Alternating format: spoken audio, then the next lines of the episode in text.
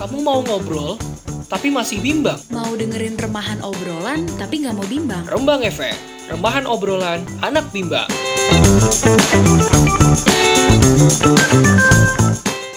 Bersama gue Dimas dan sobat setia gue Vio dalam generasi podcast mahasiswa Indonesia.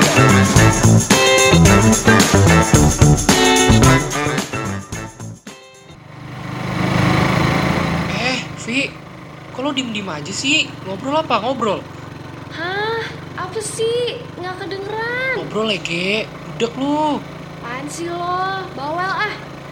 Ge, tumben sih lu diem-diem aja. Kenapa sih? Aduh, kepo. Nggak perlu tahu ah. Dijelasin juga nggak ngerti lo. Ah, elah, ada apa sih, Vi? Cerita aja udah. Nggak mau. Nggak trusted lo mah. Eh, parah banget sih, Vi. Lu udah kenal gue dari SMA juga, masih aja rahasia-rahasiaan. Aduh, yaudah gue cerita. Tapi di rumah gue aja dah. Budek ini angin sumpah. Uh, iya deh, ya udah pas banget juga sih gue lapar. Hehe. Hmm, Sialan lo. Ya, nyokap lu kan enak, Vi.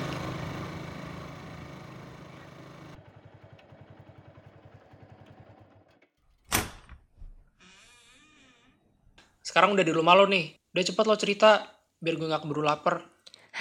Nggak peka banget sih lo jadi orang. Lagi sedih, masih aja ngeselin. Marah-marah mulu lu ya. Udah sih, kenapa? Tapi janji dulu ya, jangan cerita-cerita ke yang lain. Iya, kayak lu baru cerita sekali aja sih ke gue. Hmm, ya jadi gini diem, gue tuh lagi overthinking gitu loh. Kayak gue ngerasa gue nggak punya temen gitu, ngerti gak sih? Kayak ansos banget rasanya. Hmm, terus, gue ngerasa kayak nggak ada yang cocok, nggak ada yang sefrekuensi Lah, gitu. bentar-bentar.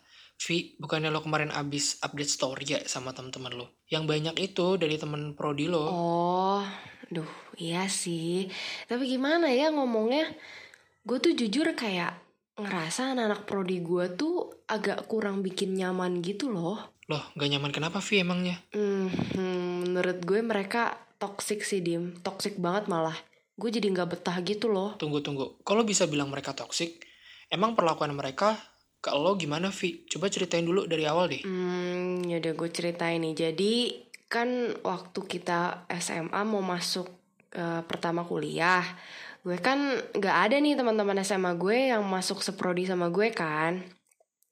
Nah, jadi gue di prodi tuh otomatis gue gak ada temen dong. Terus gue kayak mikir, aduh gue kalau kagak ada temen gue kagak bisa survive nih kayaknya gitu. Ya jadi gue auto gue nyari circle dong. Terus gue ngeliat nih ada satu circle yang emang kayak kuat banget nih di prodi gue, yang kayak terkenalnya gitulah.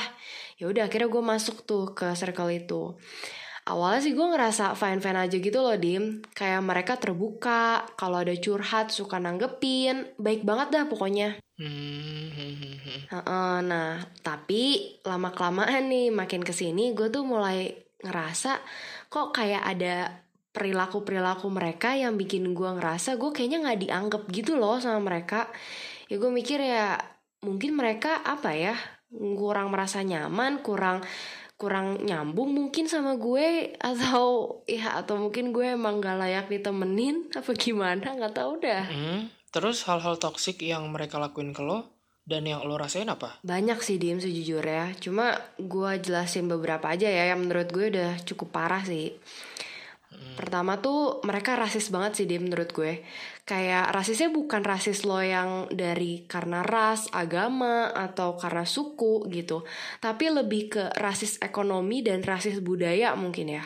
Kayak misalkan ada anak-anak yang dari daerah nih Dari prodi gue kan ada yang dari daerah Nah mereka tuh sering banget ngegibahin anak-anak dari daerah ini gitu di grup chat Kayak entah diomongin tentang kebudayaannya lah Kayak dia aneh gini-gini gini gitu Pokoknya jadi kerasa apa ya paling sok banget gitu loh Kayak si paling anak kota ngerti gak sih? Ngerti, ngerti, ngerti. Terus, terus. Sumpah itu kan sick banget ya Gue jadi kayak Loh kok diomongin gitu kan? Nah itu satu tuh. Terus yang kedua Ini yang gue mulai gedek sih. Kan ada tugas kelompok ya. Gue pernah waktu itu tugas kelompok berempat Gue sama tiga orang dari circle gue ini. Nah Terus kan biasa kalau lo ngerjain tugas kelompok dibagi-bagi tugas gitu, terus nanti ada kayak eh, deadline buat masing-masing orang ngerjainnya kan. Iya, iya, iya, paham. Terus? Nah, gue tuh waktu itu udah dibagi tuh, udah dikasih deadline-nya. Gue kan emang gak suka mepet, jadi gue udah beresin sebelum deadline-nya. Nah, mereka-mereka ini pas ditagi di hari H-nya, itu sumpah mereka baru ngerjain 10-20% belum kelar. Terus mereka kayak alasan gitu loh, bilangnya kayak entah kemarin nyokapnya sakit lah, kemarin dianya sakit lah, siapanya sakit lah. Gue tuh jadi kayak ini udah berkali-kali gitu loh masalahnya. Jadi kayak gue yang harus bantuin mereka, ya jadi kayak gue yang ngerjain juga, ngerti gak sih? Iya iya ngerti ngerti. Sampai sampai satu ketika tuh pas hari H deadline pernah tuh gue nyiduk mereka, kayaknya mereka lupa hide gue dari Instagram story dah. Mm-mm. Gue nyiduk mereka tuh lagi nongki, bayangin loh. Gue kayak udah gue nggak diajak, terus itu tugas kagak kelar jadi harus sama gue. Gue kan jadi makin emosi dong. Iya iya paham paham paham. Terus itu yang kedua ya. Terus ini yang ketiga menurut gue udah paling parah sih. Mereka tuh hmm, gue udah menyadari ini lumayan lama. Soalnya setiap kali ulangan, beberapa hari sebelum ulangan, mereka tuh tiba-tiba jadi baik aja sama gue. Tiba-tiba nawarin gue Shopee Food, GoFood, tiba-tiba ngajakin gue nongki. Dan pas nongki tuh mereka mintain kunci jawaban kayak maksudnya Vi bikinin lah contekan kunci jawaban gitu biar buat ntar ulangan ya bisa dikasih ke mereka gitu loh. Gue awalnya sempat ngasih ya, tapi lama kelamaan gue kan mulai kayak kok gini sih, gue nolak tuh. Tapi dipaksa di masalahnya. Terus jadi kayak, aduh gue gedek banget dah. Soalnya abis selesai ulangan pun gue boro-boro diajak nongkrong, gue disapa juga enggak dim. Anjir gila itu parah sih Vi. Keras banget anjir. Kok lu kuat sih teman sama orang-orang kayak gitu? Aduh, gimana ya Dim? Gue juga bingung soalnya gue juga apa ya nggak punya temen lagi di kelas beneran cuma mereka doang. Gue serba salah juga dan ini ya yang bikin gue sekarang makin stres tuh IPK gue kan keluar ya kemarin kan. Hmm. Semester lalu gue 3,9 gue masih dapet Dim.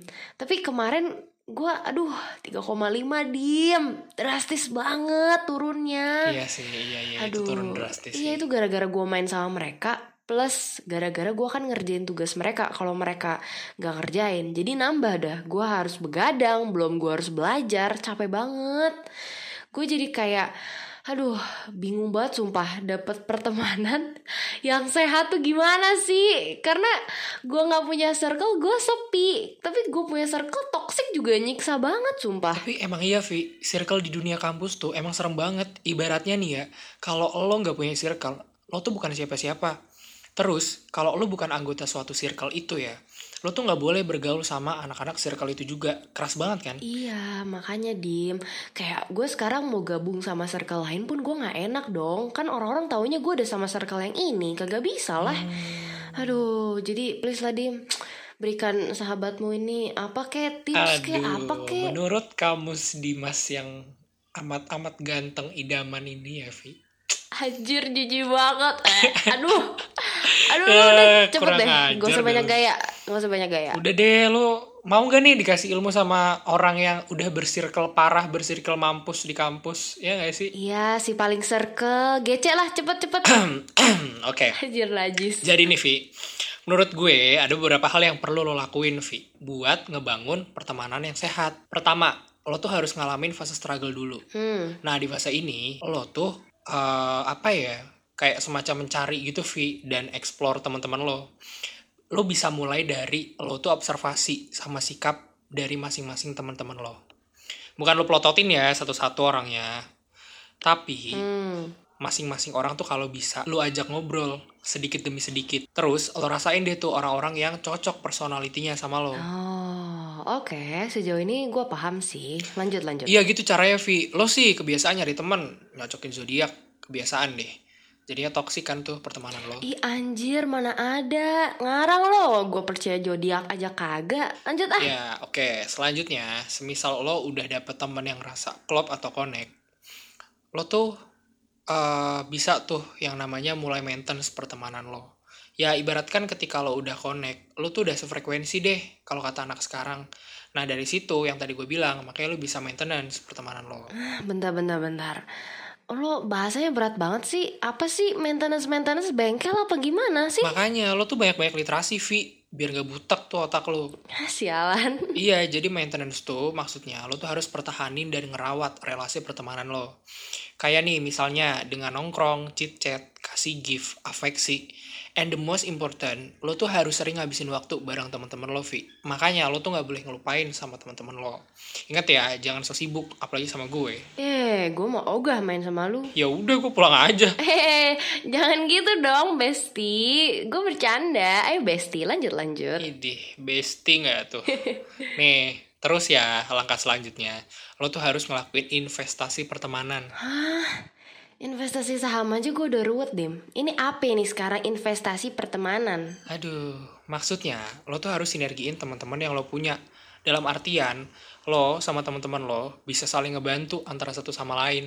Atau biasa orang-orang sebut tuh kayak mutualisme gitu loh, Vi. Hmm, Ngerti nggak? Oke, mutualisme, ngerti. Nih, nih gue kasih tadi kasus nih ya.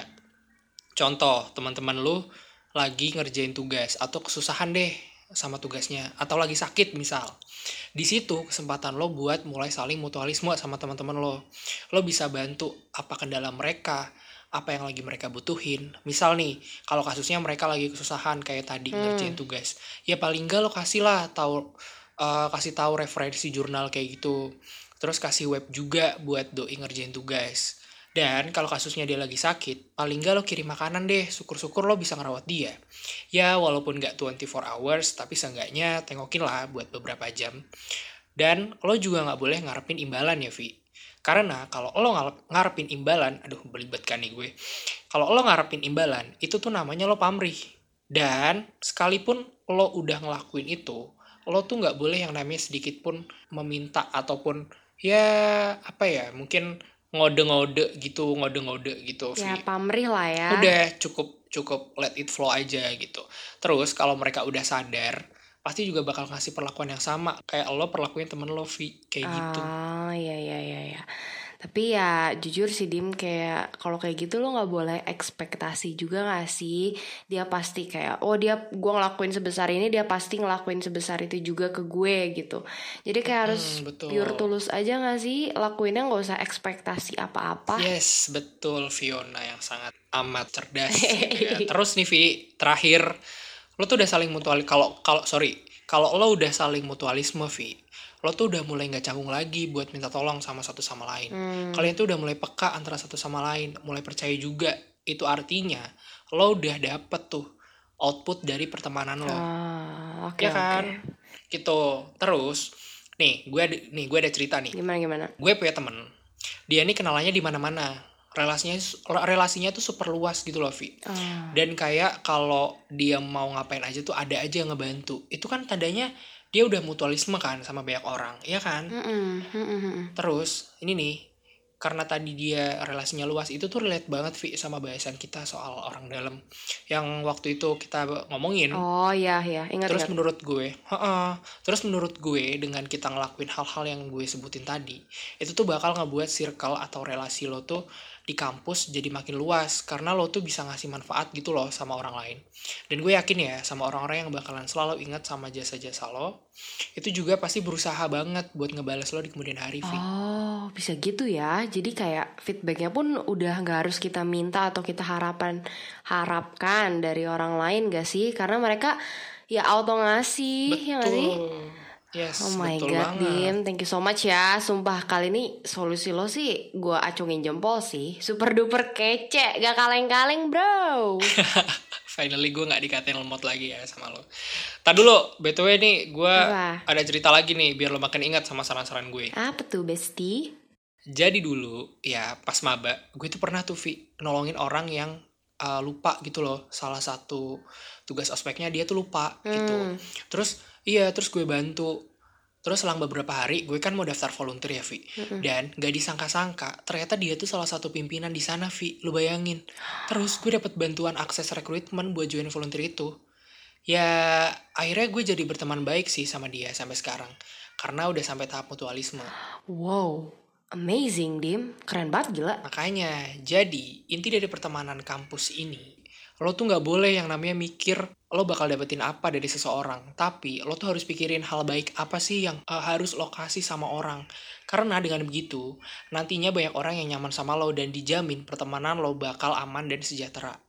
Terus nih ya di kampus tuh banyak orang-orang dari suku yang berbeda-beda hal-hal yang menurut gue nggak kalah penting toleransi Vi Hmm. kita tuh emang udah bener-bener harus bisa sih ngejaga nilai toleransi di lingkungan kampus. Ah iya sih Dim. Itu yang sebenarnya kurang banget dari circle gue yang sekarang.